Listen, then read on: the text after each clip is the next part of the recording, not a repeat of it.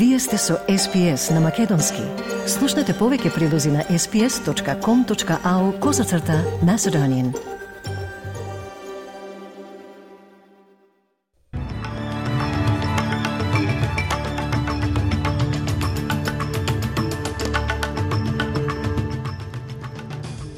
Од денешниот билтен вести издвојуваме. Премиерот Ентони Албанези ја представи својата визија за иднината на енергијата во Австралија. Бројот на загинати во поплавите во Либија се искачи на над 11.000.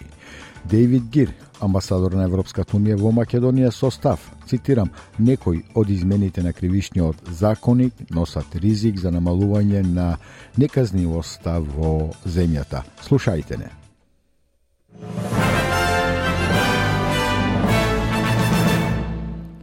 Премиерот Ентони Албанезе ја истакна својата визија за иднината на енергијата во Австралија и вети транзиција кон чисти, достапни и сигурни ресурси.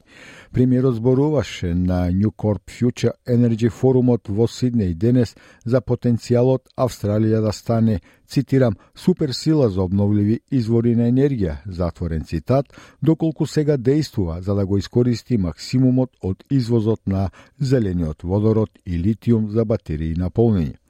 Федералната влада наскоро треба да ја објави својата национална стратегија за батерии за да ги зголеми инвестициите во индустријата, при што австралискиот извоз на литиум ќе биде еднаков на вредноста на австралискиот извоз на јаглен до 2027-28 година. Премиерот, чија влада донесе законски намалување на даноците за да ги направи електричните автомобили попристапни за австралиските семејства, вели дека транзицијата кон обновлива енергија исто така ќе го отстрани притисокот врз потрошувачите. There's no question that renewables will reduce prices. That's why the investment is going there. Uh, there is nothing to stop people putting in a plan for a new coal-fired power station to be built, except the market and common sense. Опозицијскиот лидер Питер Датон ја подржа домородната сенаторка која тврди дека колонизацијата имала, цитирам, позитивно влијание, затворен цитат, повикувајќи ги австралијците да ја слушат неа наместо, цитирам, гледиштата на главниот град, затворен цитат.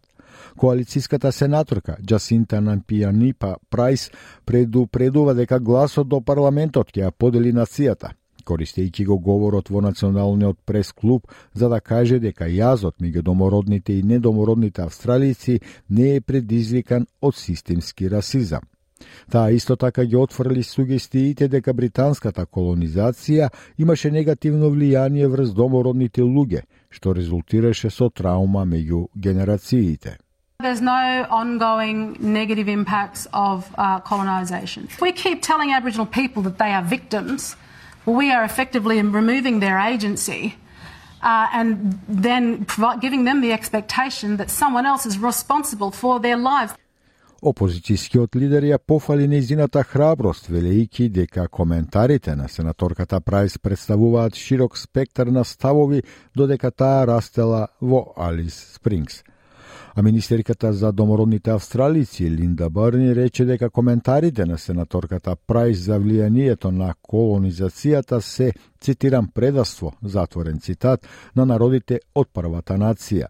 Министерката Барни, додека ја водеше кампањата за гласањето да утринава, речи дека коментарите на сенаторката се, цитирам, едноставно погрешни, затворен цитат, и навредливи за оние кои се погодени од историски неправди, како што е украдената генерација. Министерката Барни вели дека гласот до парламентот ќе се обиде да ги поправи долгите и далеко сежни ефекти на колонијалната политика на абориджините австралици и жителите на те, а, Торес Теснецот. Things like life expectancy, things like educational outcomes, overcrowding, uh, incarceration rates. They are the issues that the voice will be dealing with. And it is so important to recognise the full story of Australia. Сеопфатни информации за референдумот можете да најдете доколку го посетите порталот SBS Voice Referendum на www.sbs.com.au коса црта Voice Referendum. Вице-премиерот Ричард Малс вели дека владата нема цитирам, ништо да крие, затворен цитат, бидејќи колега од кабинетот го отфрла барањето на Сенатот да обезбеди документи за незината одлука за летовите на Катар Airways. Избраниот комитет на Сенатот за билатерални договори за воздушни услуги на Комонвелтот треба да одржи сослушување следната недела, барајќи од високите директори на Квантас, како и поранешниот извршен директор Алан Джоз да се појават на сослушувањето. Сенатот исто така побора од владата да ги објави документите во врска со низината одлука да ја отфрли апликацијата на Катар Airways за одвојување на летовите. Господин Марал се појави на Канал 9 утрово велејќи дека одлуките на Министерката за транспорт се вообичаени како и за сите останати министри за транспорт. Well, something to hide. Um, I mean, a, a, decision was made by the Transport Minister in the, the ordinary course of her work, as Transport Ministers have made uh, over an extensive period of time, uh, around how to apply the national interest in respect of this. Евроамбасадорот Дейвид Гир за Телевизија 24 порача дека Европската комисија веќе изрази загриженост дека некои од измените на македонскиот кривичен законник носат ризик за зголемување на неказнивоста и додаде дека кривичните дела треба да бидат адресирани на вистински начин. Омеѓу време, власта за сега не реагира на забелешките на Европската комисија и на Соединетите Американски држави за измените на кривичниот законик.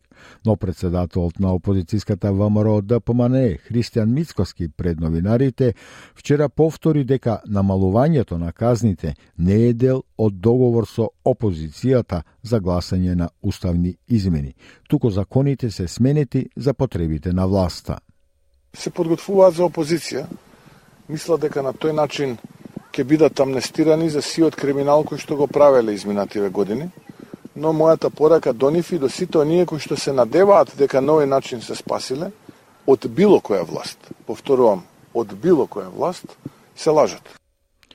Спикерот на Источната административна област на Либија во четвртокот го предводеше парламентот за жртвите од поплавите, наредувајќи на владата да ја врати ситуацијата во нормала во рок од 6 месеци. Бројот на загинати се искачи на 11.300 лица во кребрежниот град Дерна во Либија, соопшти Либиската црвена полумесечина. Во источниот дел на Бенгази, во парламентот со едноминутно молчење беше оддадена почит за жртвите. Некои членови рецитираа стихови од Куранот. Председателот на парламентот, Агила Салех, вели дека владата мора да ја врати ситуацијата во нормала во текот на следните неколку месеци. We call on the government to do more to save citizens, arrange housing, treatment, and decent living, and compensate them for the damage they've suffered.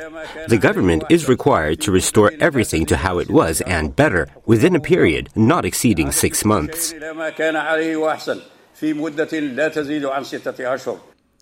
Либија е поделена меѓу две ривалски влади од 2014 година, а другата влада е со седиште во Триполи.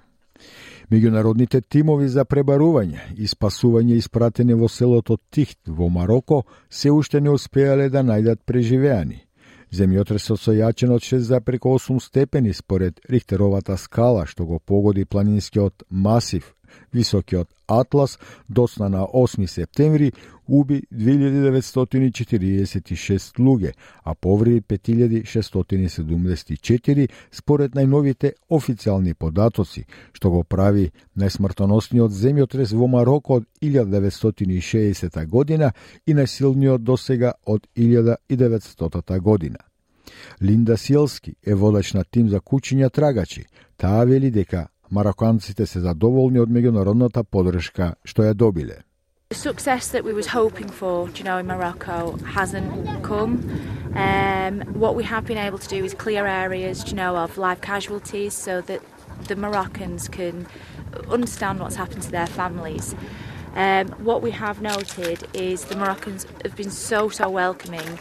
I mean, we've just had a chat. We, we, they're so they're so overwhelmed that we're here to help. And unfortunately, we haven't had the success that we have, but we just hope and pray, you know, that, that we can continue to find survivors. Владата соопшти дека прави се што може за да им помогне на сите жртви од земјотресот.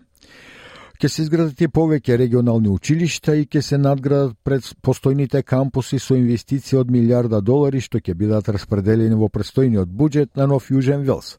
Лабористичката влада на Минск го испорача својот прв буџет во вторник, ветувајќи дека ќе ги обнови основните услуги дека се бори со растичкиот државен долг. Буџетот ќе одвои 1,4 милиарди долари во текот на 4 години за надградба или изградба на јавни училишта низ регионалниот Нов Јужен Велс. Министерката за образование Прю Кар вели дека заедниците низ регионалниот Нов Јужен Велс имаат итна потреба од училишта и надградба на постоечките згради.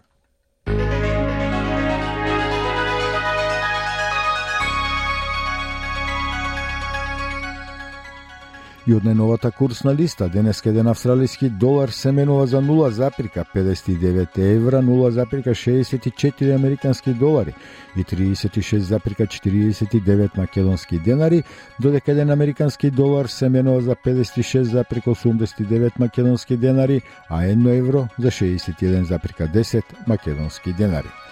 И во продолжение од вестите временската прогноза за поголемите градови во Австралија утре, сабота 16 септември.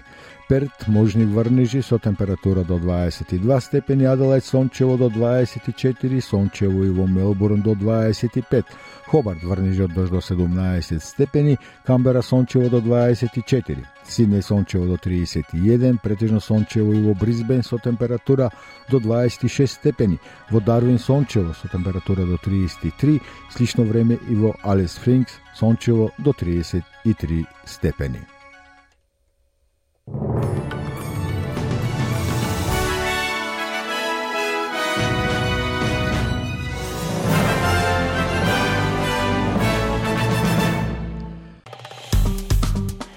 Стиснете, ми се допаѓа, споделете, коментирајте.